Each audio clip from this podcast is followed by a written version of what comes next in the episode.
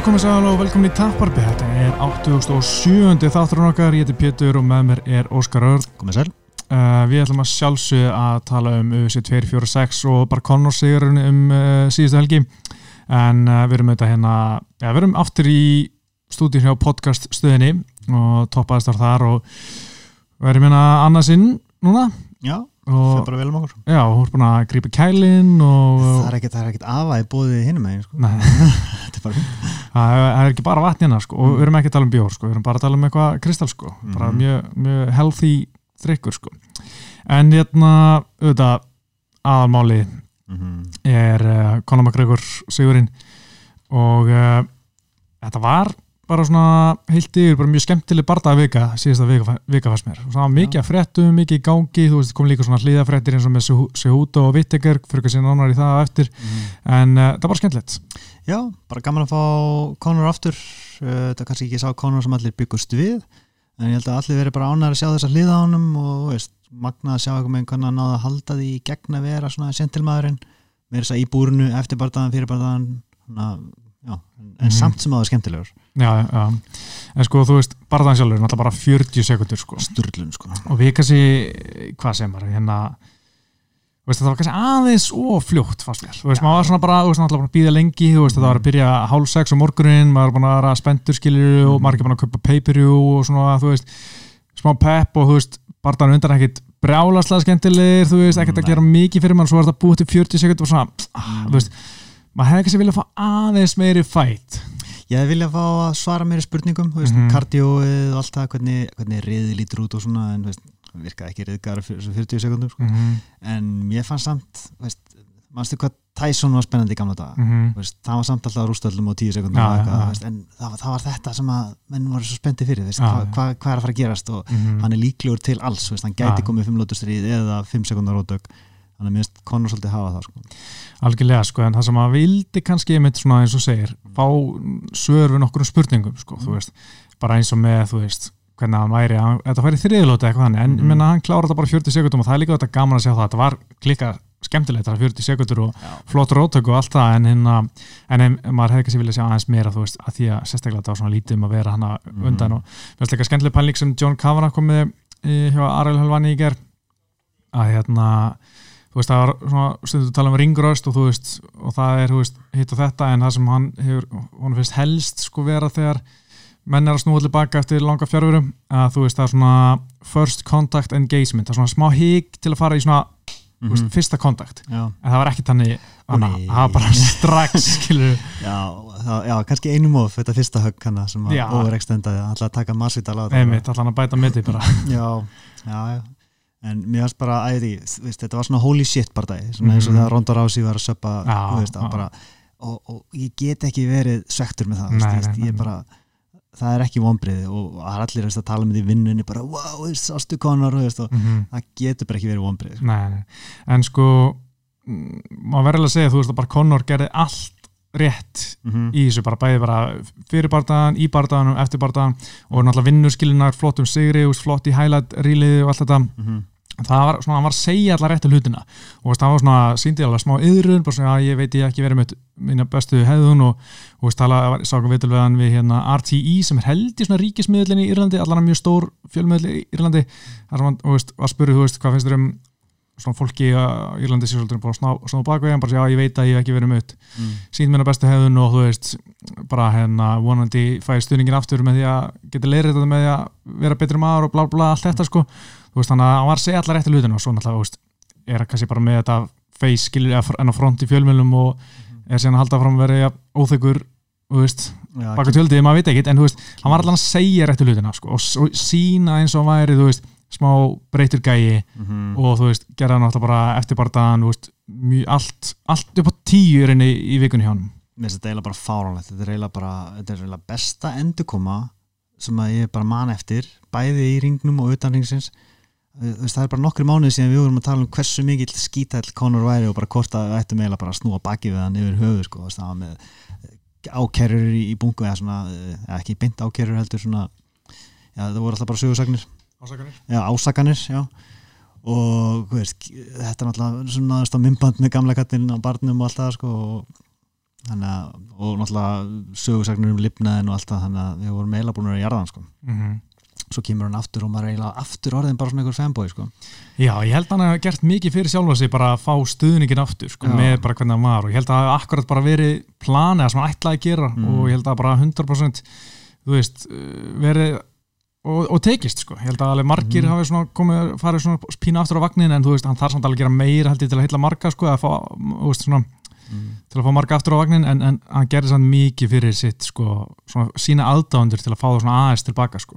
já, þú veist, allan sé bara með eitthvað PR fyrirtæki í þessu e eða hvort þetta sé bara hann þú veist. Ég held sér bara bæði, sko, veist, hann alltaf veit hvernig hann spila leikin, hann alltaf Mm. gert það mjög vel mm og þú veist, ég held að hann veit alveg líka, þú veist, ég held að hann sé sko, ég held að hann lesi mikið, þú veist, bara svona komment og, og umræður sko, um Mm. sig, sko, að ég bara man eftir í hann og stundum verið að taka eftir í að hérna, hvað hinn og þessi er að segja um sig, einhver blaðamaður og einhver, einhver á Twitter og eitthvað þannig sem Mm. við alveg alltaf mjög gaman þannig ég held að hann veit alveg hvernig umræðan hefur verið um svo, ég held að hann hafi svona veist, pínu verið pyrraður út í það og líka kannski, veist, bara svona séð að sér og vilja bara allan að sína betri hefðin já, magna ég Mm. bara, já, það fær A plus Já, en uh, eitt sem var svolítið áhvert við þetta, Horgur Mastadal var á staðanum Kamur Úsmann já, og þú veist en Conor var ekki að svona kalla út neitt. Þú veist, maður kannski bjóst pínu við veist, um leið og bara það búin, hann myndi koma hei, Horgur Mastadal, mm. Koma eitthvað svona ræðu. En hann gerði það ekki, ég held sko hann hafi pínu verið svona, þú veist, að hann er þú veist, the A-side, skilju, hann er almaðurinn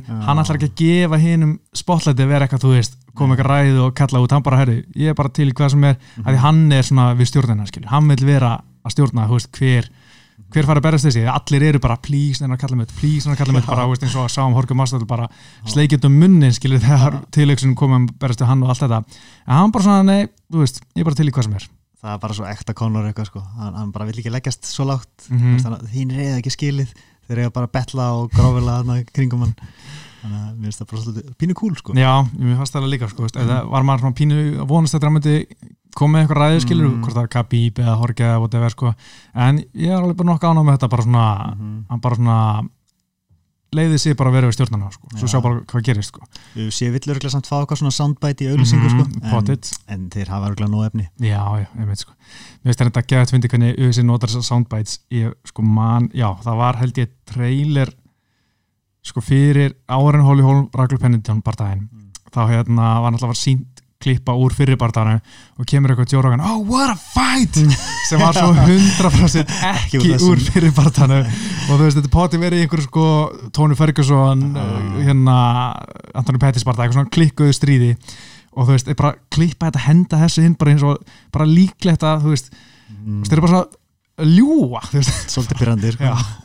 Mér veist það óþjóðland og líka, þú veist, gera fyrir eitthvað trailer fyrir eitthvað Fight Night main events Mhm. það sem þú veist, maður veit alveg að Joe Rogan hefur aldrei líst barða með þessum er svona minnisbáminn og hann bara svona, Mhm. þeir henda einhverjum Joe Rogan klipur svo bara, Oh, oh, sem er einhverju sko unbelievable. já, Robbie Lawler, Rory McDonald rísa Mhm. barða sko, en að, mér finnst alltaf pínu fyndi en þeir bara gera það sem þeir gera með það sem þeir eiga.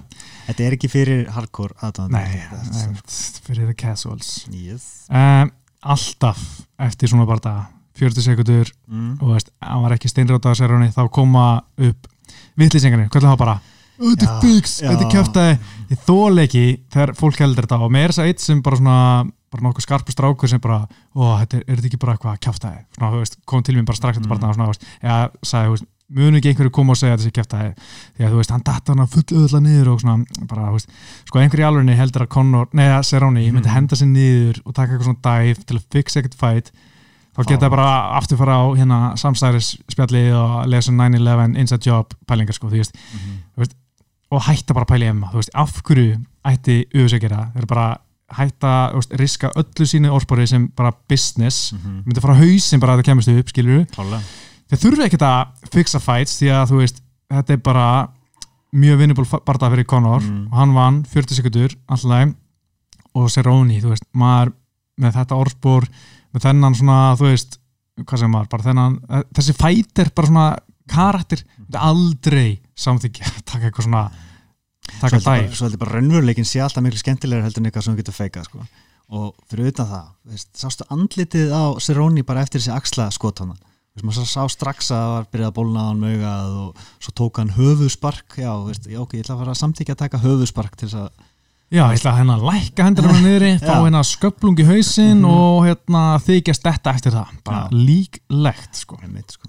Ég meina, þetta þetta- er bara heimskulegt sko. Já, þú veist, ég held að fólk viti ekki hversu erfitt það er að fixa fæt sko. Nei. og þú veist, og, en, en, og þegar bardaðar eru fixaðir, Mm. það er skrítið, ég var bara að horfa á bara áðan, bara bardaðar sem er svona sagði að vera fixaðir, það var Mark Coleman í Pride á móti einhverjum í Japana, Mm.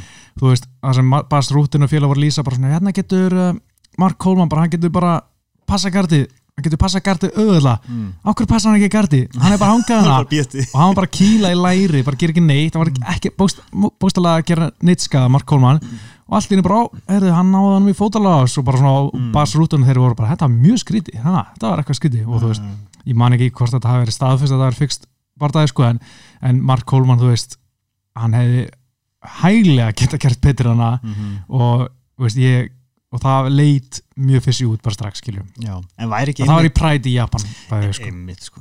Uh, en einmitt, ef þú ætlar að að fixa, Mhm. myndur ekki gera eitthvað submission? Væri það ekki bara takedown í byrjun? nákvæmlega. Menn var ekki að taka höfuðspörk og, og högg hann upp í búrið og, og líka þú veist að þykjast þetta við eitthvað högg sem er ekki það Mhm. þungt þú veist, ég held að það væri pínu erfitt að fara að gera það og líka að reikna með eitthvað svona ok, ég ætla þetta núna, þú veist, og Mhm, menn er eiginlega að hrinja niður bara svona svona, þetta ég hef fá þungt högg. Mhm, en svo líka sko það sem ég lesa svona um uh, hvernig Pride, að þú veist, sögursagnir um Pride að vera að fixa bara það að þá, þú veist, Hens og Gracie, Bas Rútin þessi svona alveg kallar, þú veist, þeir heyrðu aldrei af þessu, þú veist, það var enginn að koma til þeirra og byggja um að fixa fæt, sko. Mhm. að því ég held að það er að vita alveg hver viðbröðum væri. Mm, ég held þessi sama bara með Donald Cerrone þú veist, það var engin, það myndi engin detta í hug að byggja Cerrone um að þú veist, ég held að hérna, þegar svona í præt þegar menna kannski vera að gera eitthvað svona fysi hluti, það fyrir að vera að gera við gæja sem voru kannski, þú veist, ekki þessi topp gæjar og ekki kannski svona heiðalustu menninni bara, skulle ég segja mhm. Já, Æ, er þetta ekki fáranlega umræði jú, jú? Þetta jú. bara- Að, veist, þetta er líka bara svona pínu svona okkams reysó skilju, Já. Þú veist, það eru tvær skýringar, þú veist, líklegri skýringin er alltaf Mhm. svona einfaldar skýringin. Þú veist, að einfaldar skýringin er bara Conor byrjar hratt, Cerrone er hægur í gang, Conor rotar eftir 40 sekundur mhm, í staðan fyrir að segja, Uzi vildi að Conor myndi vinna Uzi fótt til Donald Cerrone böði hann um pinn til að taka mhm. barðaðin byrjaði, Conor hérna, hendi fram vinstri og, um og allar að henda headkick og kápa hendi sinni yfir headkicki og reynir ekki að komast upp eftir þar, en hann var alveg að skrambla í gólfurinn aðeins, Cerrone, þú veist. þetta er bara hefslegt, ég veit ekki hvað með tíma þetta, en það er alltaf bara einhverju sem Mhm. spyrja mann út í þetta sko. Nú búið að ákveða þetta. Já, mm. uh, er það axlarhöggin? Já.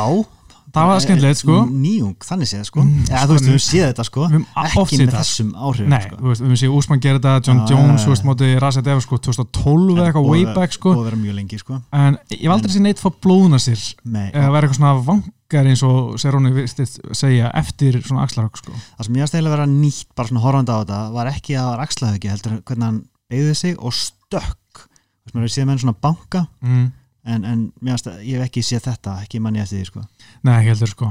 Þannig að þetta var bara geggjað sko og Siróni náttúrulega bara bjóst ekki við þessu mm og bara, já, what the fuck? Já, John Kavanagh var einmitt að segja að þú veist að Serróni, nei, hafa alveg verið að gera þetta áður og svona Já, og segja að þetta sé eitthvað sem Gunni byrjaði að gera í geminu hmm, en ég man ekki eftir að sé að hann gera þetta sko í barda. Nei. En hérna, á skellett svona Já, um, svo er eitthvað umræða hvort að þetta hefði verið plan hjá honum mm. eða ekki. Og veist, ég er ekki með svarið í því sko, en, en sennilega þú veist, hefur hann verið allan með þetta í hausnum að, að þetta getur verið möguleiki bara upp á hæðamunin Sko ég man ekki hvað John sagði með hvernig planið hefði verið sko, veist, en ég held að alltaf, var alltaf planið að byrja svolítið að krafti því veist, þess að Mm. setja pressa á Seróni strax sko, Já, því hann er líka oft bara hálf kaldur þegar hann byrjar og Mhm, svona ekki já. alveg komin í gang sko. akkurat sko uh, tölum núna um veist, mm. margt sem við viljum sjá fyrir Conor Mhm. en það er bara eitt sem við séum Dana vill sjá, það er bara Kabi Brimats og það er svo mikil ombrið að heyra Dana bara tala um þetta Já, það, it's the fight that makes sense mm. Mm. bara, og, bara hvernig óskupunum þegar, þegar, þegar, já, þegar maður hlustar á að báða þeir tala eitthvað með henn á skjön uh, Conor segir bara hvert sem er og helst eitthvað fljótlega Já. Eh, já, og Dana segir Khabib sem er í fyrsta lagi þá eitthvað tímann í september, oktober já, eitthvað. einmitt. Þú veist, hvernig meikar það sens en sko ég mynd þetta er þetta stærsti barða sem við getum sett saman ég held að sé bara reynilega engin annar sem ég held að það sé miklu stærri bardaði upp á pay-per-view og allt þetta heldur en Jorge Masvidal, mm. kannski ekki miklu stærri en samt stærri sko, bara út á sögunni og, og allir því, en þú veist og það geta, vilja þetta hamra játna með hennar heitt, en Mhm. af hverju þú veist, að- ekki að býða aðeins og hamra játna þegar það er sjóðandi heitt, þegar er komið kannski smá strík eða svona aðeins komið meira til baka þú veist, Mhm. að því þú veist þessi sigur sko samfarið mig ekki neitt um hann er eitthvað meiri sens í kapi, bara Nei. null okay, al, jú, hann er kannski á betri stað Mm. mjög kannski taka þessu æfa betur whatever, en hann þarf samt að finnst mér að sína miklu meir heldur en að vinna 36 ára gamlan Mhm. Cerrone til að eiga einhvern sens í Khabib sko. 100% og mér finnst líka bara þó að hann taki Masvidal og tapi það þýr ekkert að hitt sig eitthvað útiloka þá hann bara, ok, veltevittin var á stór fyrir í léttikt, tekur Justin Gaethje þar eða eitthvað vinnur hann, ef hann Mm. vinnur hann þá, þá er hitt orðið möguleik aftur. Já, já, Já, ég, einmitt, sko. og þú veist, ég meina hann konar með eitt síður síðan, þú veist, mm, ah, þetta er, er bara pyrrandir já, En mér finnst líka sko, kannski eru þessi pínu svona ok, hann er 30 eins og við vitum Mm. hann ákast ekkert mikið eftir. Herru, hérna við höldum að hann vinni kannski ekki Justin Gaethje og örglega ekki Orga Massadal og við viljum ekki taka á þetta hann tapi. Mm, gerum þetta núna því annars verður aldrei já. Og kannski halda líka kapi pætti bara fljóðlega finnst bara eins og er svolítið, svolítið að missa touchið þetta í þessum matchmaking Já. undanfarið, sko, nokkur önnur dæmi sem þú veist hvað ég er að tala um, sko. Já, tölum við það eftir. Og Adesanya, sko. En Mm. þó að það sé alveg, þú veist, rétta ákvörðunin, sko. En já, þetta, þetta er mjög head scratching sko, ef það er aðalega ef að Ferguson dettur út, mhm. þá ok.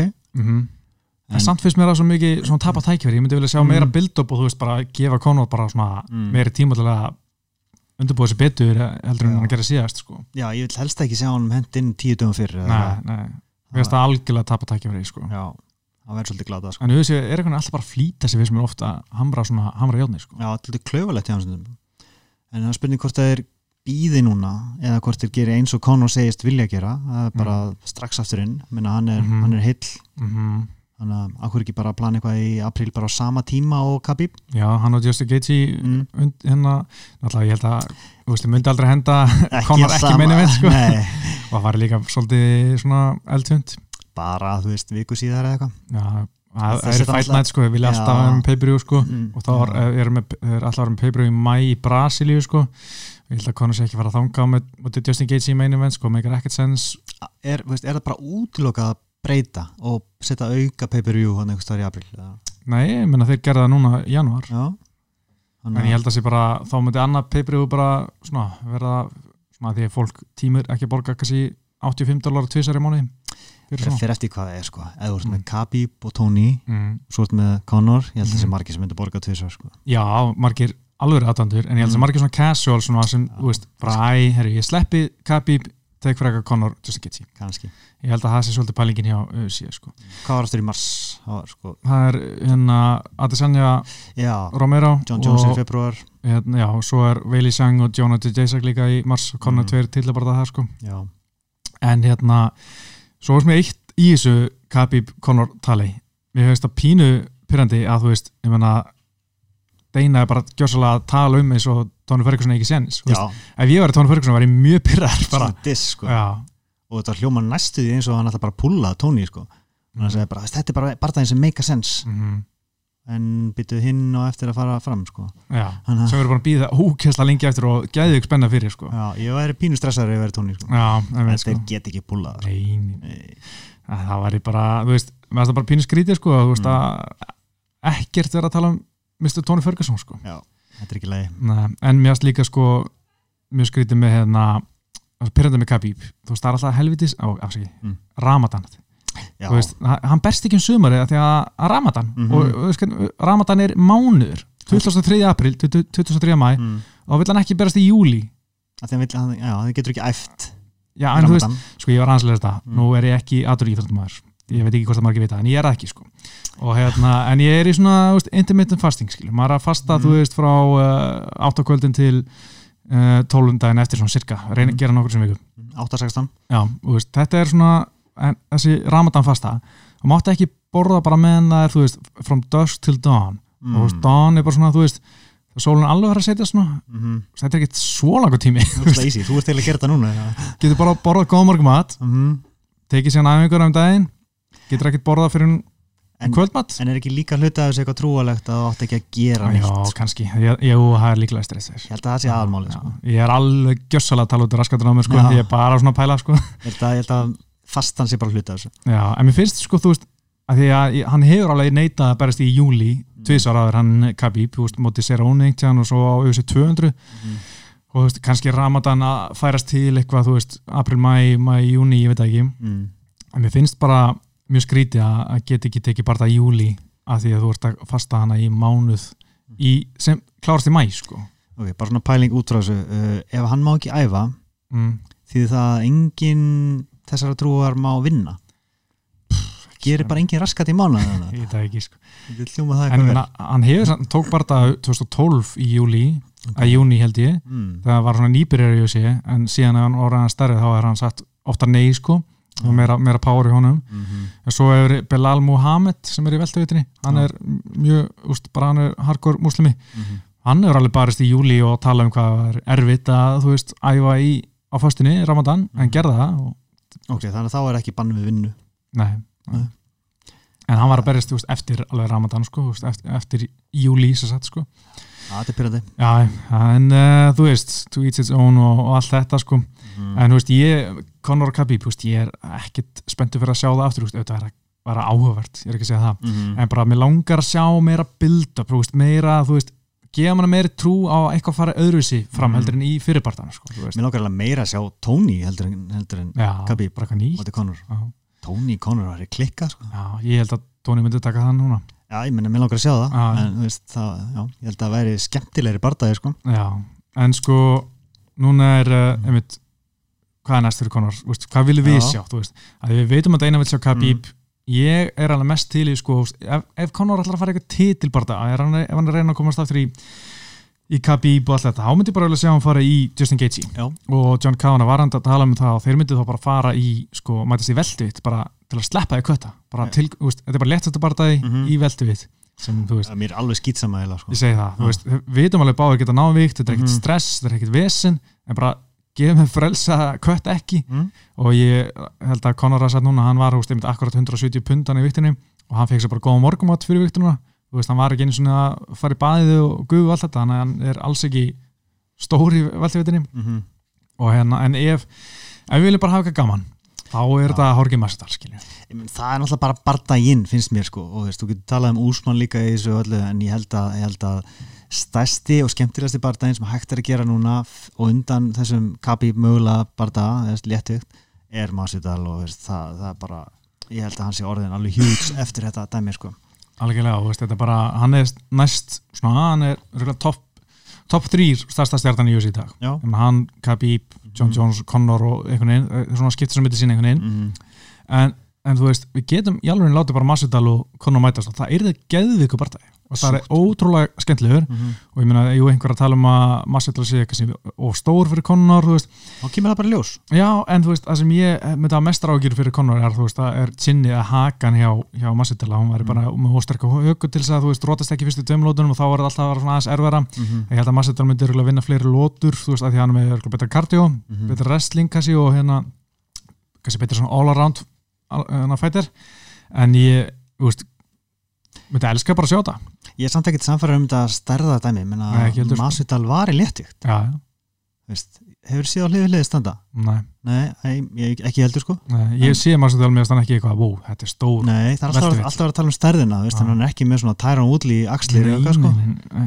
þannig að ég held að það sé bara eitthvað kjátt sko. ég held að það sé bara skills já, Mm. já en ég meina Masvidal er líka að rótaði Donald Cerrone í léttvikt mm -hmm. og eins og Conor sagði, þú veist mér finnst Cerrone stærri en Masvidal og þú veist.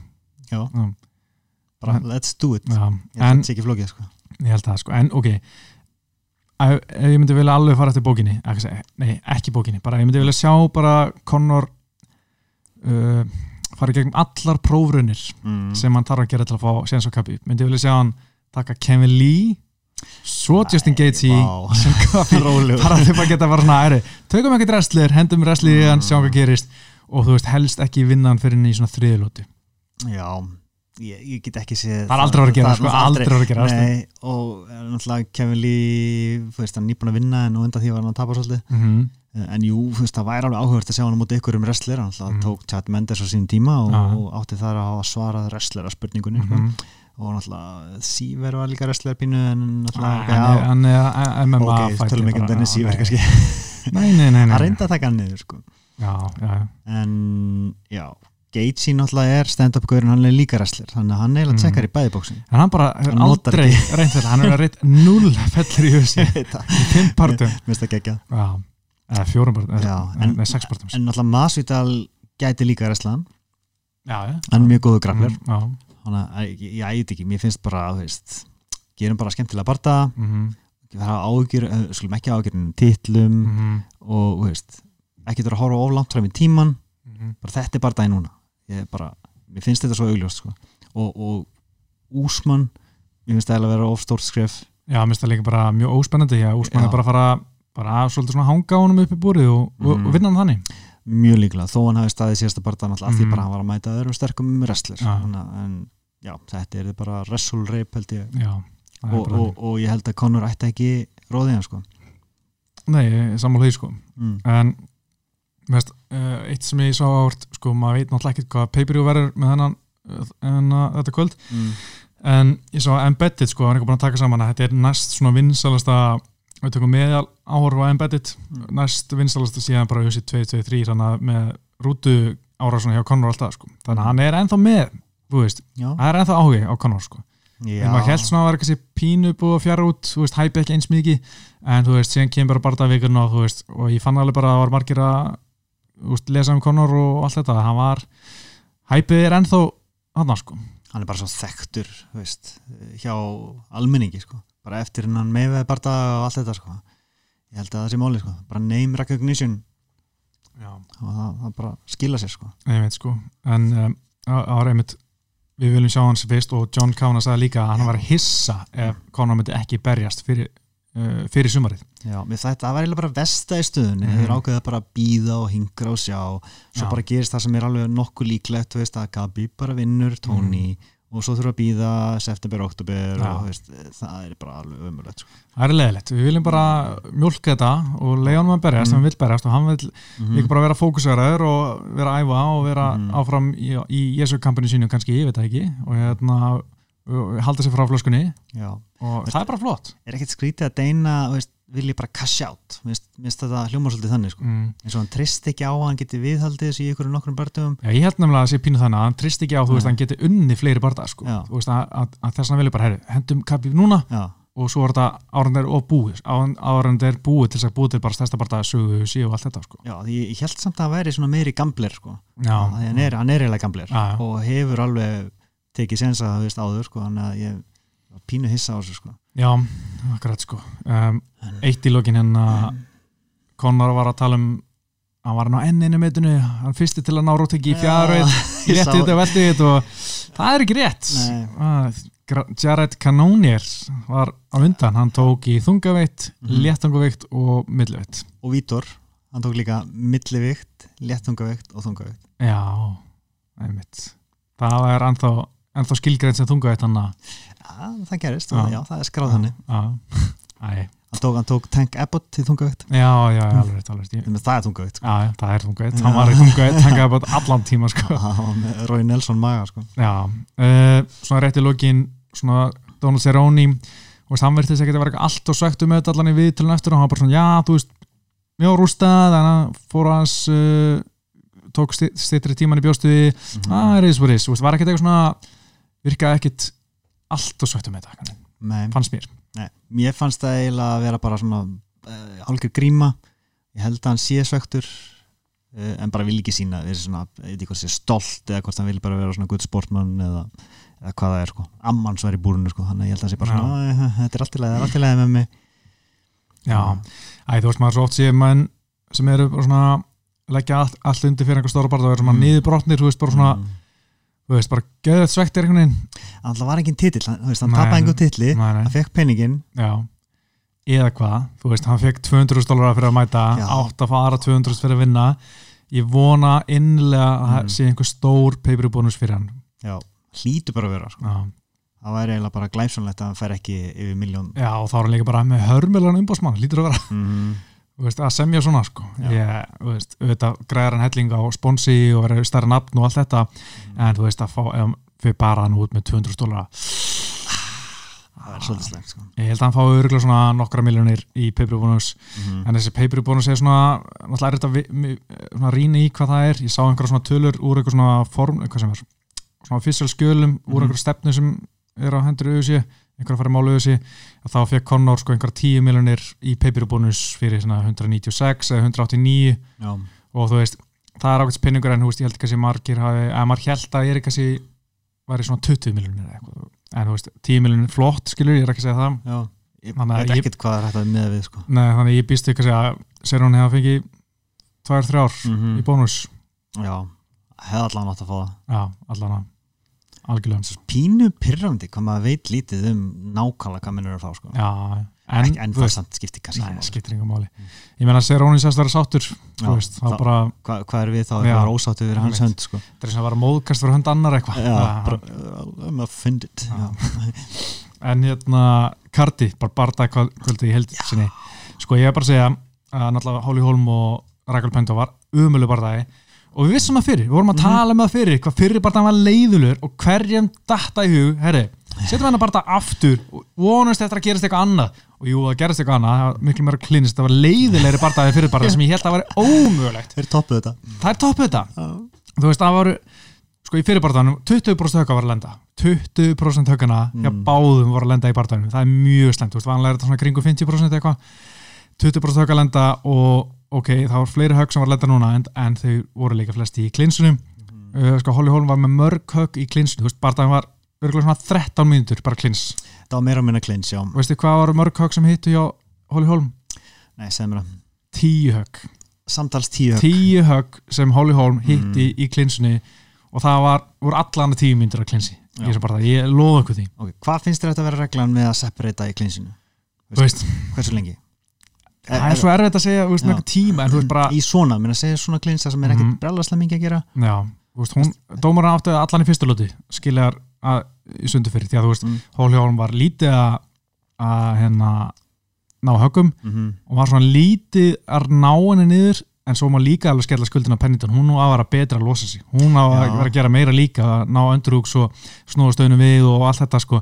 En ég held bara einhvern veginn að Holly Holmes er bara líkanlega sterkari. Hún er það, virðist þeirra og hérna Pennington bara ekki með tæknilega leg svör til þess að snúa stöðunum við. Og æ, hún náðu stundum að snúa henni við en var Mhm. snúið bara strax aftur við tilbaka. Mm -hmm. hún var bara ekki að reyna nóg fannst mér. Nei og þú veist bara en, en það sem er svo pyrrandi þú veist hún er að halda henni bara. Þannig að eins og hún var líka að tala um eftir að, en að viðtalið við Joe Rogan. Bara já, þú veist, ég menna að þetta var að virka okkur eftir að breyta einhverju þú veist, jú, Mm. þú ert að vinna með minnsta mögulega mun, þú veist, þú ert að gera það sem er alltaf satt, leave it in the hands of the judges. Þú veist ekki að reyna að klára þetta, þú veist aldrei nála þegar að klára þetta. Og ég sé þetta svo oft í svona einhver amandubartum, menn er að taka fyrstu bardaðin sína Mhm. halda upp í búri, ég skillar það svo vel, ég menn er ekki með skillið í að þú veist gera meira, þú veist, þetta er bara einfaldast að leiðin til að vinna barða, halda einhverjum upp í búri reyna nokkra fellur, ok, gekk ekki, vann þessu lóti þú veist, í nýju mínu barða, þú veist, þrís og þrjár. Maður skilur það alveg svona amateur, low-level amateur. Mm en fyrir einhvern átjánfaldar hinsmestari bóksi eins og Hóli Hólmeir að fara þessa leið, ég bara trúði ekki, sko -hmm. svo náttúrulega án að vera entertainer líka sko. já, já, veist, þetta, þetta er spectator sport og þú getur ekki verið svona leðileg og ætlast til að fá veist, gott spot næst sko. Ég er bara... nei, en er þetta, er þetta framist að það sem verðskuldar titilparta? alls ekki en sko Hóli Hólm, við höfum síðan að gera þetta meir að svona svipað hluti, ég man á móti Mm. Cyborg og svolítið að gera þetta haldur um búri, en ég held að það væri planin til að þreita hann að fara inn í lengri inn í barðan til þess að, þú veist svona eh, ekki eins mikil ógn af rótönginu frá Cyborg og þú veist, þannig takk yfir en hún, var ekkit ja, hún gerði alveg meira því en hérna bara náði ekki ætlunarverkinu sína rótana en, en þú veist, þetta er mér finnst þetta bara svona vera svo amateurs þegar maður sér ekkert halda svona upp í búri þetta er, þú veist, er ekki að tala um bara þetta er nú ekkert, ég er bara ósamlega til leðil þetta er bara barða, þú veist, Já, þetta er hluti af barðanum en þá verður að menna að vera gera eitthvað við klinsi, að reyna ná endrúks og ná fellu ná ólbómin, nýinn gera eitthvað meira heldur en bara Já. halda veist, ég bara býstu að sjá miklu meira í komin event og stóru kvöldi hjá fyrrum heimsmyndsarbóksi, hjá fyrrum meistararíusi hjá áskoranda sem barðast um titilin tveir sem að, sem að borðast um titilin mm -hmm. Ég bara býstu að sjá meira heldur en þetta á þessu leveli. Já, það er eiga bara að reyna að klára bardaðan, það er bara þannig, það er skulda okkur en já, Joe Rogan er alltaf með þessar yfirlýsingar um, um svona pjúrista dæmi, sko, að það er svo reynd bardaði að það voru ekki slittin í sundur. Já, en þú veist, þetta verður nú líka að vera svolítið gaman sko. Já og líka bara hversu auðvöld er það og, úst, í jútsu, bara til dæmis að halda einhverjum og bara, bara tefja, bara býða alltaf klukkar rennur út, úst, þá nennir enginn að horfa þetta. Úst, það skiptir líka máli upp á að byggja sporti, að fá fleira fólk inn og sem vilja að taka þátt og keppa og jafnvel bara keppa sem einhver amatör í jútsu að þú veist, ef þú ert með eitthvað jútsu mót og það er aldrei svona neitt, stand-up fyrir töf eða neitt þannig, Mhm. þá nennir maður ekkert að horfa þetta skilju. Daniel Kormi, við myndum bara taka alla niður og bara liggja, Já, ég veit hversu gaman. Það er ekki alveg það sem vilja en Háli Hólm, ég hlusta þess að sem hann var að segja eftir barðan og hann bara, já, ég vildi gera meira en veist, bara náði ekki og Mm. veist, henni er alveg saman baulið þú veist, mér stað alltaf svona þú veist, fólki sem er að baula er að kaupa miða til þess að horfa á þig að hluta til skilur og borga launin einmitt, þú veist, það er ekki, og þetta er ekki fyrsta sinn sem er að baula á hana. Ég held að það væri pínu svona viðvörunarmerki ég og hún og ég meina, Mm. hún er bara verið MMA núna alveg síðan 2013 ég, ég allan að mann svo ég minni Mhm. og hún er alltaf með hennan wrestling þjálfara sem er Issy Martínez, búin að vera hjá Jackson lengi. Getur hún ekki ná einni fellu, í alveg nei. Getur hún ekki verið betri wrestler en þetta? Já, fyrir svona mikið íþrættamann eins, og hún er. Mm, hún var eiginlega ekkert að reyna fannst mér að fella, hún var bara Nei. að meina að halda henni bara, veist, hún fór aldrei niður að, Mhm. að njánum Já. til að, veist, ná að, að setja hendur saman og eitthvað með Bara- þetta, ég, ég bara veit ekki sko. uh, maður skilur þetta ekki alveg. En ég menna hún sagði að ég er bara að gera þetta fyrir mig og enga aðra. Og það bara, það skýr skilabóð, þá bara setja hana bara beint á prífum sko. Uh, en, en eitt sem er svo pyrrandi við þetta kart veist, að svona kart það sem aðalbardaðin getur verið vídeo Twitter og fólk sér að það Mm. að mér er alltaf, er að hugsa um þessu casuals. Ég ætla alltaf að fá fleiri inn, fleiri inn að horfa á þessa íþrótt sem við höfum svo gaman af. Að þetta var ekkert spes auðlýsing fyrir sportið, skilji, margir ekki sem horfa ekkert mikið um MMA, horfa á þetta kvöld að því að Conor er hana og þú veist, býða lengi eftir einhverju sem þú veist var sér bara 40 sekundur sem er þetta gaman en hitt er svona, uh, þú veist, ah, Kelleher var góður já, já, já. uh, hvað meira á menngartinu? en þú veist að sko, ef við horfum bara á USA 202 það sem Conor og Nate Diaz mættu, Mm. stórt pay-per-view við sáum Rumble stendur þetta Lilnok var klikkað, Já, sáum uh, Cerrone gegn Rick Story, Mhm. Rick Story klikkaði bara það Mike Perry gegn hérna Hjón G. Lim, það var skemmtilegt rótök uh, Tim Mean sem gegn rótök fjögur rótök í röð á mainkartinu þú veist, það var góð auglýsing, maður bara herri, þetta er veist. Ég veit alveg eins og sem maður var að horfa bara herri, orðu, orðu svona pínu spennti fyrir mörgum eins og Cerrone sem bara vissi ekkert hver hann var út af horfða á Conor skilur kvöldi.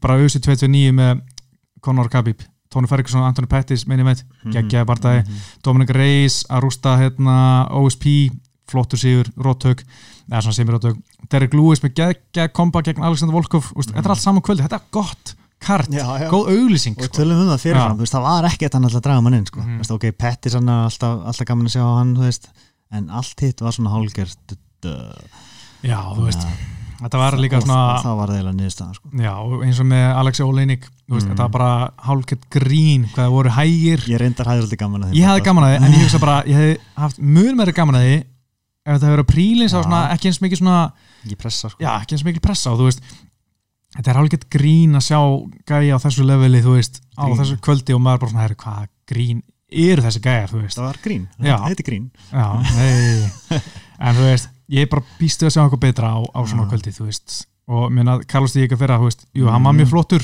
og Pettis átti ekki breyk, hann gæti ekki neitt Nei, mér finnst og geggjað. ég verði að segja að mér finnst þetta pínu eins og þetta hafi verið svona easy tap hjá Pettis? Já, það var mjög óvænt, sko. Ég, ég, ég bjóst ekki við að vera að fara að tapa það nei, Ef ég lefði þetta er svona hlið þá er þetta ekki Mhm. alveg inni. Mm uh, maður þurfti eiginlega bara að prófa þessa stöðu eitthvað. Ég, ég held að sé ég- mjög er þetta simulitið þetta sko, Já. bæði þá náttúrulega ég held að hann sé örugglega með mjög gott squeeze að Diego Ferrara og þetta er Mm. örugglega meira nekkrak. En maður alveg séð menn, menn berjast gegn þessu, þú veist, hann var að íta höndunum upp og svo hættir hann bara Mm. að tapar veist, Pettis, ég er ekki að segja að Pettis sé einhver auðmikið því að hann er aðtunum barndamaður og ekki Mm. ég. Og þú veist, hann er miljón sem harðari en allir sem eru hlusta hérna sko, nema aðtunum barndamaður sem hlusta, ég veit ekki. En, þú veist, það er alltaf eitthvað svona smá quit í honum. Veist, ég veit ekki hvað er veist, og líka alltaf svona, að ég breytta mér hundina uh, hætti að barðan tölum um tala með það það er alltaf eitthvað svona skara með þumalinn hérna fyrir síðasta barða á putan, já. já, þetta er ekki veist, Þetta er, var samt svona snemma, veist, það var ekki Já. búið að lemja niður eitthvað mikið, sko, að, þú veist, og maður er síðan vera góðan í glímunni, sko, Mhm. þannig að ég var óksla hissa, sko, þannig að ég held að maður er- verði bara að gefa fyrir að, props fyrir gott squeeze já og tjóki hafi verið betra en það leit út fyrir að vera, sko. Mm, ég, ég gerir það alveg en ég ætla líka að segja að veist, það er orðið svo lítið um töfra hjá Pettis jú, hann Mm. rótaði hennar Stephen Thompson sem var mjög óvænt Já. en þú veist, ég held að sé bara að missa svolítið bara allt motivation, ég held að hann sé örugglega bara svona orðið bara frekar slappur fætir svona hvernig hann var, ég held að hann sé ja, bara á hraðri niðli, þú veist, hann er klálega ekki verið eins góður undir voru árið sem var hann var vann titilinn, það er alveg vita mál Nei. en mér finnst hann bara að vera orðin verri núna sko. Já. og ég er bara býð eftir hvort hann sé að fara í Bellator bara til bróðusins bara Mm. á þessu árið sko. Veit það nú er samt ekki, sko, en, á sama tíma hafi Ferreira kannski betri með höldum, sko. mm, já, Já, veist, hann er búin að vinna núna held ég sex í röð og náttúrulega Tæsumov hann á undan eins og við tölum um síðast. Og Kapilov veist, og litið frábæla út. Og eini gauri sem hefur valdið hann vandrað það er, það er hvað Dustin Poirier fyrir svona þremur árum síðan eða eitthvað, það var rótök og, og eitt reynda þar á undan. En ég já, að ég held að Ferreira gæti bara komið óvart á, á næstu mánuðum og árum sko. en Pettis Pettis er alltaf skemmtilegur sko, kemur alltaf annars slæði og minnir á sig en, Það svo- en, en hann dettur niður mjög Já. mikið og er kannski fann að detta meira niður núna á Mhm. milli heldur en að gera það sko. einmitt, það er svo lítið um þessa töfra sem hann Já. var með, þú veist voru meira um bara svona ég er hættur svona í barndagum hann alltaf var á tímabili bara með þú veist, bara barda eftir barda eftir barda svona eitthvað geggja, þú veist, Mhm. eitthvað Guillotine og Gilbert Melendez og, og veist, eitthvað high kick og, og hérna, þú veist, tók Cerrone mjög flott og mm.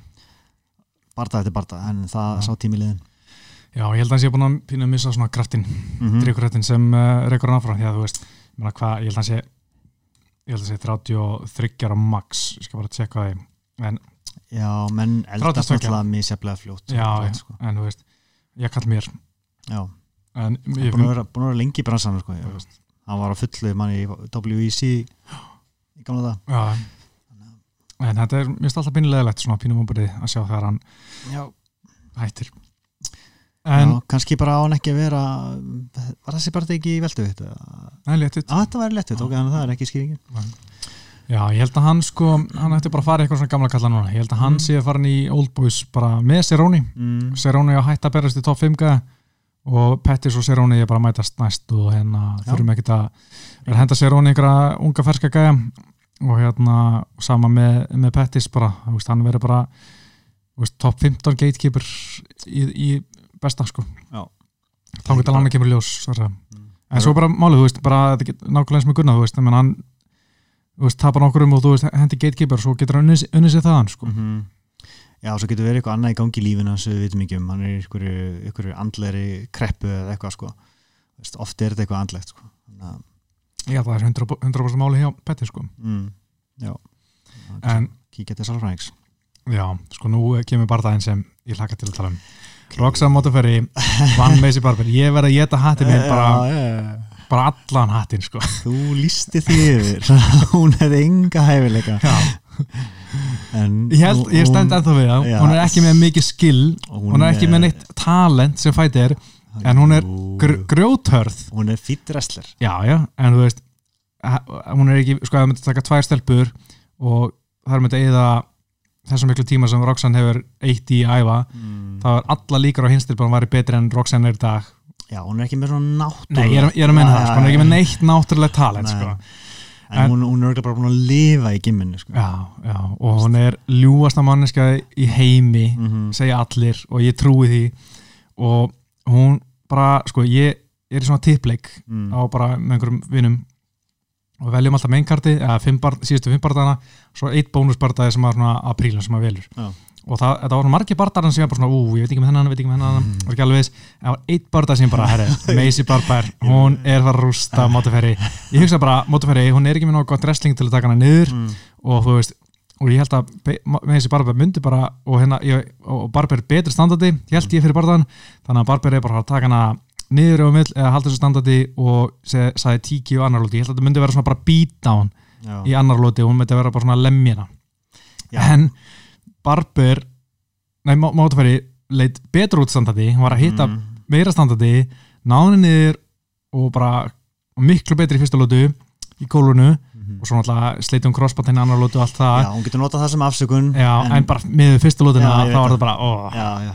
Ef hún hefði unnið fyrstu lótuna og svo slítið crossbandið þá var náttúrulega þetta verið allt annað debate sko. en, en hún var að tapa þegar þetta gerist að, heldur betur sko já, en ég meina, er þetta ekki bara flott reynsla fyrir hann hún er ekki eitthvað ung og veist, hann Mhm. ætla bara fáránlegar fáránlega markmið ætla að fara að toppa með John Jones, veist, að vera yngsti Já, mestari ég veit sko, ég held að þú geti glimt því núna bæði náttúrulega tap sem setur hann tilbaka mm, og hérna og líka bara nýju mánuðir í það minnsta uh, frá á hliðalínu já, og bara hún virðist þurfa að vinna í glíminu sinni. Menna, hún þarf að vera bara alliða bardakona sko. já, ég held að hann væri með svona betra defensive wrestling Mm. af því að hann er að vinna með Ben Askren og svona. Mm og veist, Ben Askren er með eitt barda eða þetta er eini bardamaður sem Ben Askren er, að- er að vinna með. Og ég held að hann geti gert betur en einhvern veginn var bara mótafæri bara alveg með þetta. En ég verð samt að gefa Barbi það. Mm. hún var grjótörð og hún ætla ekkert að gefa eftir veist, læknir var að spyrja að, en, dómar var að spyrja hana uh, eftir lótu 2 veist, hvort nýja er í lagi, hún bara I'm fine, I'm fine, I'm fine. Hún bara neita að svara. En uh, og sér hann alltaf mjög fyndið að læknir er komið inn, tekka hann í svona 5 sekundur að þetta er bara smá, en að partially tear ACL, ekkert, ekkert Búin, að- búin að greina þetta. Með einhver röngun augu bara. Já, veist, fyrsta lagi var að fyndið hann greindi þetta svona nákvæmlega. Öðru lagi var bara að fyndið hann skulle hafa tjekkað á sig yfir höfuð. Þetta er, er bent á þetta með kommentatorunir, þetta hefur aldrei verið gert. Mm og þú veist, er það hún er kona? Veist, það er svona hmm, nei, ef vera ofverenda konur, það má ekki. En sko ég slildi crossband og þá því fór það læknir sérst, þá var þetta gert um mig. Hann svona tekur nýðið og svona Já. reyfir eitthvað á. Mm. og þú veist, ég ætla að bæði skipti sem ég fari í svona tjekk og bara læknir bara, já, herru, þú vorst að fara í miðutöku Mm. þú veist, en hann aldrei geta satt neitt úr pottum með sliti crossband, en þú veist, ég fekk ekki, fekk ekki eins og ég, á, crossbandi getur verið sliti, en þú veist, að, að- hvernig að reyðið nýðið hjá mér, bara þú þarft að fara í miðutöku, en þarna bara tekur hann nýðið, að þetta er bara smá sliti crossbandinu, hún var talda áfram. Ok, og þá kemur spurningin, þú veist ef það hefði verið slitið, hefði hann stoppað bortan sko, hann kom með Thiago Santos og, og ég það, verður að vera jafn, sko, það verður svona samræmi í þessu sko. já, og, en er líka við verðum líka að kasta smá ábyrða hotnið þú veist, hún var Mm. augljóslega að reyfa sig mjög illa þegar þriðlót að byrja já, þú veist, og var ekki að fara að ná þessu. Allt kannski að stoppa bara. Að má bara kasta inn hanglaðinu það hefði verið allt í lagi sko. Já, en það, það líka eins og eins og menn að tala um eins og Seróni það þarf að vera tröst á milli, þú veist, hann verður að geta treyst hotanu sína, þú veist, að hann vill halda áfram en veist, þetta er svo erfitt, þetta er svona tröst á milli sko, þú veist, þeir vil ekki eðalega trösti sem uh, barndamar leggur á sig að þeir Mhm. standi með honum í gegnum allt en svo þurfa þeir náttúrulega líka stundum að hafa vit fyrir barndamannum í Actioni, sko. Ég meina hún hefur raun ynga tapa, hún er 21 á stelpa á leiðinu mm ná sér í reynslu -hmm. þó að þetta sé svona smá setback veist, þá bara so be it sko vill ekki valda einhverjum skemmtum sem eru að haldinni þreim mánuðum í viðbót frá æfingum Mm bara út af einhverju stolti sko Já, nákvæmlega, Já. og þetta eru nýju mánuðir sko Já, Ég ég, veit ekki- veist, ég meina, ef hún hefði gert þetta ennþá verra Já, já, í þessari einu, einu lótu, Mhm. Það er ekki þess virði sko. Nei, ég myndi sko. Þetta var allan mjög, mjög ávert en að sjá hvernig bara svona hérna bara bara reyndi að halda Mm. áfram og, og mér finnst reynda ég svo mjög fyndna klippu þar sem hún fekk smá blóð úr sér í mununum sér og bara, ah, fuck spýtt, hérna, að ná, hún leita blóðið á dúknum og bara, ah, fuck. Já, og sá bara sitt eigi blóð bara, shit, það er mér að blæða. Mig gáði það ekki. Mér finnst- bara, mér það bara fyndi að sjá hann sjá hann að segja fuck mm. okay. og svo sá ég líka að Roxanne var að hérna, tala við, eftir barðan að hún hefði fengið blóðu frá henni upp í sig og bara mm, gerði svona, gerði svona okay. En hvað heldur þú að vinkona mín hún Valentína myndi gera við þessar tvær? já, sitja til baka countera og vinna á decision Já, ég bara segja, þú veist, heldur að það er eigi eitthvað breyk nei, veist, mér fannst þetta vera svo langt frá ég held bara að uh, Valentína myndi slátra barber standandi og og gólunum já, já, 100% Já, og þú veist sama með móta fari sko, já, basically. Einmitt, það er bara levels to this game. Það er bara mörg level þarna sko mm en uh, svona ræðum kannski hrætti yfir restina af mainkartunum en náttúrulega svo tek Júsuf, var flottur gegn uh, André Fili. Já, Já. já, það var prílum Já, og hérna mér fannst alveg ég held kannski pínu að Fíli myndi vinna að því hann hefði unni fyrsta lótu mm. og því hann var náttúrulega klála þriðlótu og Júsuf klála aðra lótu en fyrsta lótu svona pínu jöfn í minningunni Mhm. en Júsuf tók það hjá öllum dómarum og, og hann er núna hvað, 4-0 í Júsi og hérna bara lítið mjög vel út og bara spennandi Já, það flottu bara það, ég haf búin að lýsa yfir þetta að vera garantít knockout sko. Já. en það var ekki Nei. þú, hafði rétt fyrir þetta var, hérna. en geða ekki bara það sko. Svo hérna Askar Askarov vann Tim Elliot. Mm, það sem kannski var aðteklisverðast við þetta var náttúrulega fyrsta lóta þegar Askarov bara held að Elliot var bara stífur og var rinnið niður róta Já. en hann bara stóð hann upp í svona eina sekundu og svo bara, herri, ég er góður, held áfram það var fáránlegt moment sko. það var bara spurning hvort að muni eftir restina bardaðan sko. Það fengi bara en helæristing sko. mér finnst líka mjög pyrrandi þar hann var í þriðu lóti að lappa að Askarov með hendurna niðri fyrir sig og láta killi, Mm. svo hann var ekki að killi þetta móti þú veist, ég skil ekki þetta var bara svona algjört hilbil í stræking hjá Tim Elliot já, hvað var hann að reyna sko? ég veit það ekki sko, hann var bara 100% herri. Skorast í á mig, skorast í, skorast í skorast í og auðvitað með pressu en ekki gera þetta með þetta, hann var ekki að reyna í fellu var ekki að koma inn högg sjálfur. Og hinn var að lenda þrefað fleiri höggum í hver sinn sem Elliot var að pressa mm. já, en allan Askarov leit vel út og mjög Mhm. spennandi gaur sko. já, algjörlega og magna hvað hann virkaði sterkur í glímunni með hvað hann er svona hóraður já, það er svona wrestler strength já, en ég er samt sko komur óvart að ég sá allan í útsettingunni kom two-time Russian National Champion wrestling Mm. champion er bara ok, Já. ég vissi það ekki en samt að Tim Elliot að tók hvað þrísasunum var sem að kasta hann hann náði svona judokasti Já. það er kannski ekki eitthvað, sem þeir þekki eins vel, ég veit ekki. Ég þeir eiga að gera það, en sko. hann flög en stóð alltaf strax en ná sér þrísar, mér finnst það komið að vera lofast, hann skildi ekki ok, alltaf einu sinni, en hann skildi ekki að ná að lesa þetta betur. Mm, hinn skiptinni, ég veit ekki, komið óvart. Já, mér finnst það skemmtilega bara það já, bara skemmtilegt sko, en svo kom Go hérna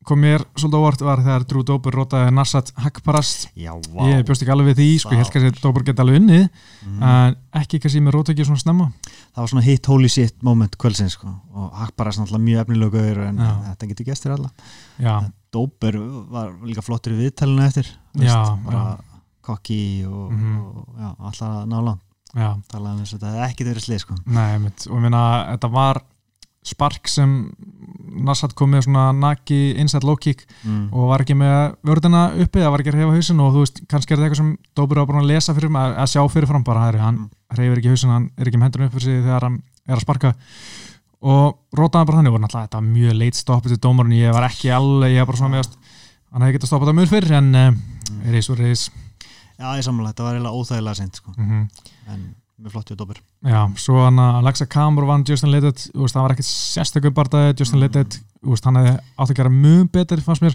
Já. bara push-up peysi, setja al almennilega pressu á, á nýlega, sem Já, er bara virka- 5-0, virka- og virkaði mjög guður já, sko. mjög þreytur, bara Mhm. strax í annar lótu, hlaði því hann var ekki. svo, já, var svo spenntur, maður sá hann var yfirspenntur bara strax í Mhm. byrjun, alltaf að klára þetta eitthvað snemma eins og hann hafði gert, hann aldrei klára, aldrei fara út fyrir, eða aldrei verið dómar okkur, segja, Mhm. en Justin Littet er bara algjörð prump og hann á ekki heim í húsi, en Kamur bara flott reynsla fyrir hann, fimm lótur, ég er spenntur að sjá hvað hann gerir í framtíðinni, Mhm. en hann er ekki tilbúin veist, hann er bara alveg alveg neðst í léttangveitrinu í sig núna sko, það Já. er bara alveg ljóst sko. Mér finnst eiginlega að hann hafi komið aðeins og snemma í UFC sko. já, ég held það sko tókst þetta hvað hann er gammal 24 held ég, 25 já, um, ok, samt orðin það gammal Mm. en hann, já, ég hefði alveg viljað sjá hann í svona tvö ári viðbót. Neðri deildan einmitt. Uh, fyrsti barndagin mjög skemmtilegur, Sabine Mass og JT Aldrich bara, já, ég sá ekki en, ég hef mjög gána því en mm. Sabine Mass og þetta vann eftir klopnum dómar okkur, bara skemmtilega barndagin já, svo náttúrulega klikkaði eh, Alexa Grasso á viktinni já, einmitt sko. Verulega, já, 121 pund 815, mhm. Alltaf frekar slemt sko. og, og er farin upp í þá 125 Já. punda flokkin segir hún. Einmitt, hún bara, bara tók það strax á sig. Já, svolítið, meina, hvernig veist, þetta er hlutfarslega rosalega mikið sko, veist. já, 6 pundin mikið í öllum flokkum er sérstaklega orð komin í 115 punda flokk. Já. Já, En svo sá ég sko einhverja tölfræði að flyweight hvenna er sá flokkur sem flestar er að klikka á mm, í hérna nei hvort sem flyweight eða strávitt, ég man ekki annarkort annarkort þessar flokka þar sem flestar er að klikka sko. Ok, strávikt er 115 já, flyweight 125 já, þannig að, að það sé að fristast í að fara í léttasta flokki til að vera Mhm. mm. stærstar að mega sens. Já, og kannski ég held að sé náttúrulega erfiðara fyrir konur að skera niður. Já, ég, en ég held að þetta sé gott fyrir flyweights að fá Mm. grasso hann upp. Mm, það er bara svo lítið af góðum já, veist, Mhm. mm. eitthvað gott. En ég fann til, já, svolítið leðilegt fyrir Claudia Gadea Já, búin að skera niður og Já. veist, þetta er erfitt kött fyrir hana. En hún fekk samt. Já, þannig að það er eitthvað. Einmitt. Uh, Næsta kart bara, við að fara örlíti, örstuði við það. Já, Eh, Það er náttúrulega Cortes Blades og hún auðvitað Santos. Ég er spenntur fyrir því. Ég pff, ekki, veit ekki hvernig þetta er að fara sko. Ég, mm. Cortes Blades hann er bara að tapa fyrir Engano hann er annars unni alla sko. og gert það bara mjög svona vel. Jú, tekið smá dæmis á mútið Mark Hunt og Alistair svona verið kildur svolítið svona að vangar allana, en alltaf ná að svona henda sér í fellinu og, og klára það sko, Mm. klára fellinu og hún auðvitað Santos auðvitað alltaf með góða felluverð já, hann er, hann er ennþá góður veist, hann, er, hann er svona legend en hann er samt alveg ennþá með svona flashes of brilliance veist, hann er náttúrulega ekki nærið af góður hann var en hann er ennþá hættilegu strækir hann er ennþá ætti að vera með ágætis felluvörd hann er gott test fyrir svona stráka sko. þannig ég er að líta á þetta þannig að þetta sé meira svona test heldur en þetta sé svona eina, number one contender í þetta veikur sko. já, þannig ef að, ef að Blades kemst í gegnum Dos Santos þá ætti hann að vera hann gjaldgengur aftur í top 2 anstæðing, Mm, sko, en- en, Engano aftur eða eitthvað.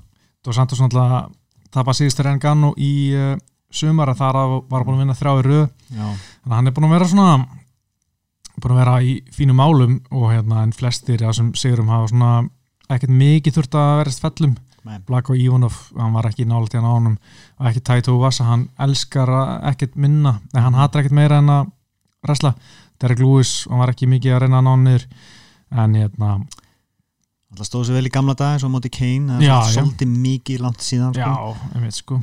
Og það er ekki alveg að marka. Nei, og ég meina, það er ekkert verið mikið um eitthvað fellur hjá hans síðust anstæðingum en það eh, er bara frekar fáir þungaðuttarar sem leggja mikið upp með að bara taka mig niður og grándi Mm, mm, já. í raunni sko. á þessu svona top 5 sem er komin svona hátt upp sko, þá er þetta svona eh, virkar þetta erfara en Blades er undanfari bara búin að vinna í þessu bara mm, markvist, mm, tók náttúrulega overím þarna Já, eh, 225 og, og mm, tók hann bara strax niður eða minningun allavega já, þú varst hana ég var þarna. Mm, og rótaði hann mm, svo tók hann, hvað heitir hann uh, Justin Willis, Willis, maður í heimi. Já og þessi bardagi var ekki skemmtilegur sko. Hann, hann, bara, en, það var mjög afgerandi sigur fyrir Blades sko, Já. bara wrestlan Svo tók hann í setja verið Shamil Abdurakimov og það bara að gera nákvæmlega saman Já. hann tíkja hann í annari lótu já, hann, hann hlýtur alltaf að reyna það sama mútið junior og bara gaman að sjá hvort hann geti það sko. Já, ég, pff, ég, var, ég er spenntur að sjá sko. En Mm. hérna, ég veit ekki alveg hvernig það, ég held að þetta sé sko þetta er náttúrulega í New York ég bara að tjekka hvernig þetta byrja sko en hérna, svo er í komin event uh, Hafald og Sennis og Michael Kiesa ég er mjög Ah. spenntur fyrir því sko. Kiesa er náttúrulega búin að lengi búin að væla um að fá einhver stóra barða mm. og hann er náttúrulega komin upp í velduvitt og þú veist náttúrulega átti góða frumröðin gegn uh, einum af verstu glímumönum í þessu í dag Carlos Condit já. og síðan Diego Sanchez eldgamall Diego Sanchez pakkaði honum saman í sumar Mm og þú veist, ha- þetta er svona veist, nú er hann að fá alveg glímugæja hann fá líka nafn sko. já, og nafn, já, RDA náttúrulega er ennþá nafn fyrir þetta mistari en Mm. náttúrulega hefur verið að tapa ansi mikið undarfærið samt ekki menn hann er bara að vera að tapa fyrir þessum Hva, hvað er að síðustu fimm? ok, hann tapaði síðust þegar Lína Ettars Mm. uh, jú, ok, þetta eru þrjú töpi síðustu fimm Já. síðan vann hann Kevin Lee náttúrulega mjög flottu þar, Mhm. tapa fyrir Kamur Úsmann tapa fyrir Colby, vann Robbie Lawler.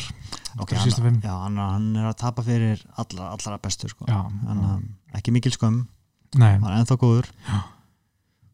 Gott test fyrir Kiesa já, en ég meina þetta eru ég held að Dósæn ás vinni. Já, kemur ekki óvart. Um, Kiesa náttúrulega hefur verið söppaður nokkur sinnum. Mhm. kemur Lee, Masvidal.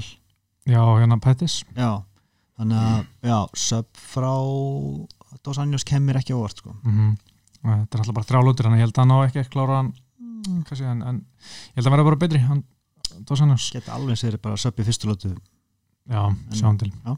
en hérna, þetta er um, ágættis kartana, það er svona eitt og annað sem er nú alveg ávart uh, um, Arnold Allen, hann átti að fara á móti Gilbert, menn, nei, hann átti að fara á móti einhverjum mjög og Nick, Josh Emmett það hefur verið flottu barndæð en uh, Edmund Mittis og Nick Lenz kemur í staðin að fýt barndæð Mm. það er svona, já Herbert, Herbert Burns, bróður hans Gilbert Burns kom með fyrsta barndæð í USA núna hann er, Mm. opnar þetta kart okay.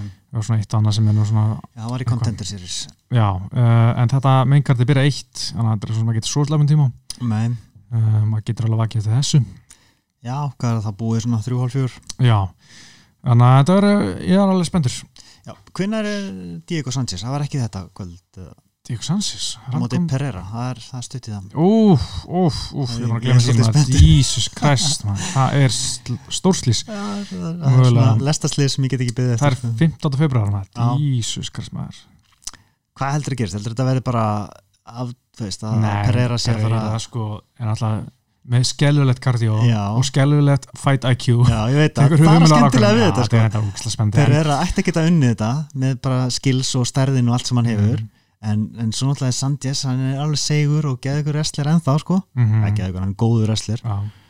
þannig að, mm, já, þetta verði gaman sko. já, já, ég er alveg ég kaupi þetta alveg, ég er alveg spenntur sko mm. en bara ég er bara hrettur um að Pereira sé að fara sko, ef hann kemst í gang, hann sé að fara bara taka hausin af Sanchez. Það er gaman líka. Það er samt svo sorglegt. Ég menn hann er orðin svo veik svona rugglar kall og þú veist, mm. segja svo skrifna hluti búin að taka mikið skada, mér langar ekkert að sjá mikið af því meira sko. Ekki skemmi það.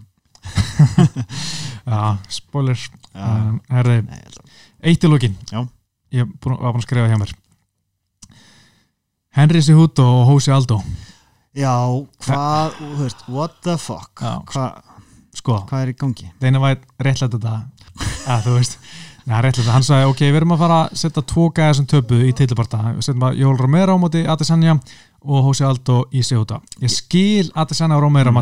að því að nummer eitt, Pála Kosta átt að fara í Adesanya. Mm -hmm. Pála Kosta mittur, getur ekki bara fyrir í mæjúni það er ekki annar. Já, Adesanya vill vera busy, hann vill berjast. Hann Mhm. vill berjast aftur sem fyrst, hann var að berjast í oktober hann vill berjast í februar eða marsi. Mm. og það er engin annar og Adesanya vill testa sig gegn Romero. Hann segir, þú veist, veist arfleið mín verður ekki fullkominu fyrir henni vinga eins og Romero. Já. og ég skil það bara mjög vel. Ég líka ég bara það var super close hjá Mm. Romero. Geti mögulega sett Cannoneer sko.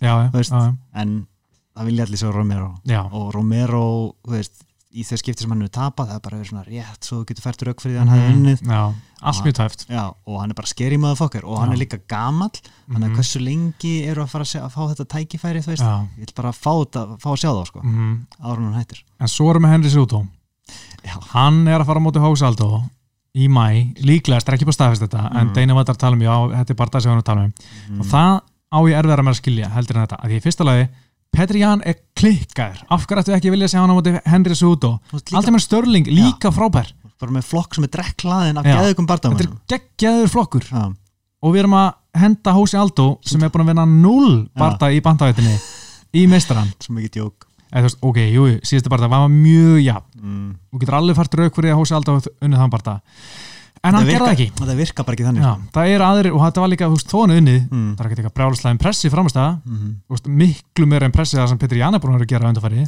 bara hundra sinum þannig að, veist, og hvað er, það- er það bara því að sé húta vill og fær allt sem að vill? Hva, hver, veist, og, og síðan hvernig er hann með svona mikið power? Ég veit, ég bara fatti þetta ekki sko. nei, ég næ þessu enga veginn. Og þú veist, og Aldo, Aldo, Aldo, hann er ekki það mikið stjarnar sko. hann tapaði síðast fyrir hann bara tapaði tveimur röð, sko. Þar á undan var það, hérna Volkanovski, já, og þú veist, hann er ekkert beint verið svona að gera einhverja glóri, það er ekkert verið svona að taka hellu leggík og koma einhverja bombur. Mm þetta er svona freka búið að vera svona slappir bardagar yfir að heila. Sé húta vill bara fá eitthvað nafn já, sem er svona auðvöldara heldur en þessir ungu hákallar og ég er bara að segja að Sihuto er formulega leiðalisti maður mm -hmm. sem ég aðeins minni séð á samfélagsmiðlum veist, ég veit að hann er að reyna þetta Já. en þetta bara pyrra mig endalast mikið því að mér finnst það bara svo ógeðislega leiðilegur og ógeðislega ófindin og fær, fær síðan Hósi Aldó hann ger ekkert sem ég fíla ekki ég, neitt, ég reyndar hefur alveg gaman að þessu cringe sko. Nei, ég get þetta ekki sko. Ég get ekki sko. ok, en ég bara skil ekki í UFC að taka þátt í þessu mm. að taka hann sko. Nei, að, bara ég bóna ekkert í það er bara þannig Herri, við ætlum að fara að slúta þessu uh, ég heiti Pétur. Ég heit Óskar. Uh, bara þakkum fyrir árdana í, í uh, podcaststöðunum og verið sæl